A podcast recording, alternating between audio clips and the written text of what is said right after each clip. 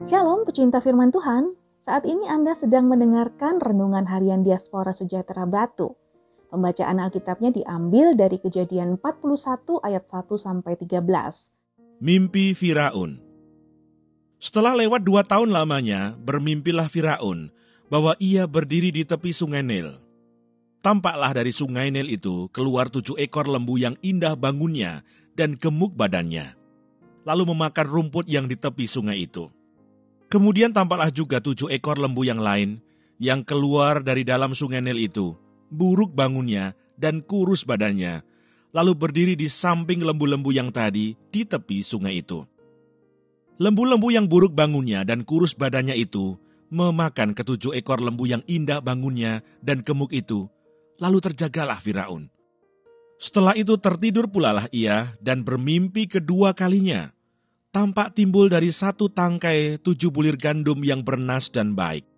Tetapi kemudian tampaklah juga tumbuh tujuh bulir gandum yang kurus dan layu oleh angin timur. Bulir yang kurus itu menelan ketujuh bulir yang bernas dan berisi tadi. Lalu terjagalah Firaun. Agaknya ia bermimpi.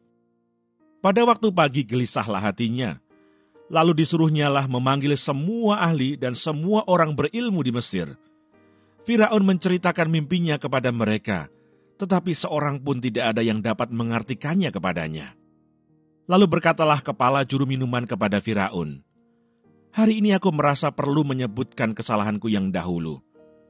Waktu itu tuanku Firaun murka kepada pegawai-pegawainya dan menahan aku dalam rumah pengawal istana beserta dengan kepala juru roti. Pada satu malam juga kami bermimpi, aku dan kepala juru roti itu masing-masing mempunyai mimpi dengan artinya sendiri.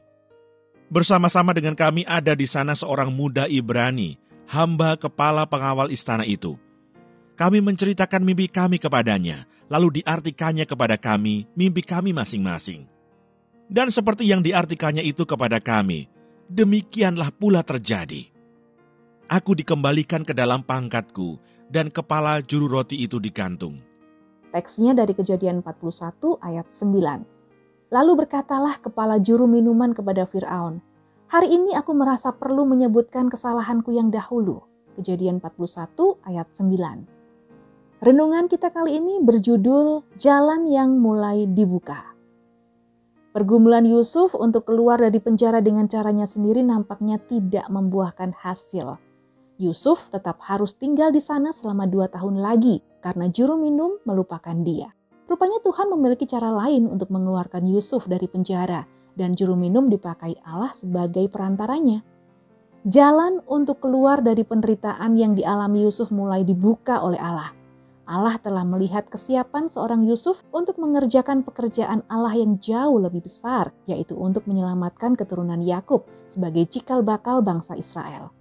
Dimulai dari hal-hal kecil yang harus dilakukan oleh Yusuf dengan baik dan setia. Maka Allah membuka jalan untuk Yusuf masuk dan menerima kepercayaan yang lebih besar. Bagian ini mengajarkan kepada setiap kita bahwa kesiapan untuk menerima kepercayaan Tuhan menjadi bagian penting karena berhubungan dengan nama baik Tuhan. Seringkali manusia memaksa Tuhan untuk memberikan kepercayaan yang lebih besar, sementara Tuhan melihat kapasitas manusia tidak sebanding dengan keinginannya. Oleh karena itu, manusia harus belajar mengikuti proses Tuhan dan bersedia dididik olehnya untuk memperbesar kapasitas supaya bisa menerima kepercayaan yang lebih besar lagi. Jika waktunya sudah tiba, maka Allah sendirilah yang akan membuka pintu untuk kita masuk dan mendapatkan kepercayaan tersebut. Jadilah manusia yang mengerti kapasitas diri sendiri dan rendahkan hati untuk mengikuti proses Tuhan untuk memperbesar kapasitas tersebut. Dan Tuhan sudah menyediakan upah di kekekalan. Sebab itu janganlah kamu melepaskan kepercayaanmu karena besar upah yang menantinya. Ibrani 10 ayat 35. Tuhan Yesus memberkati.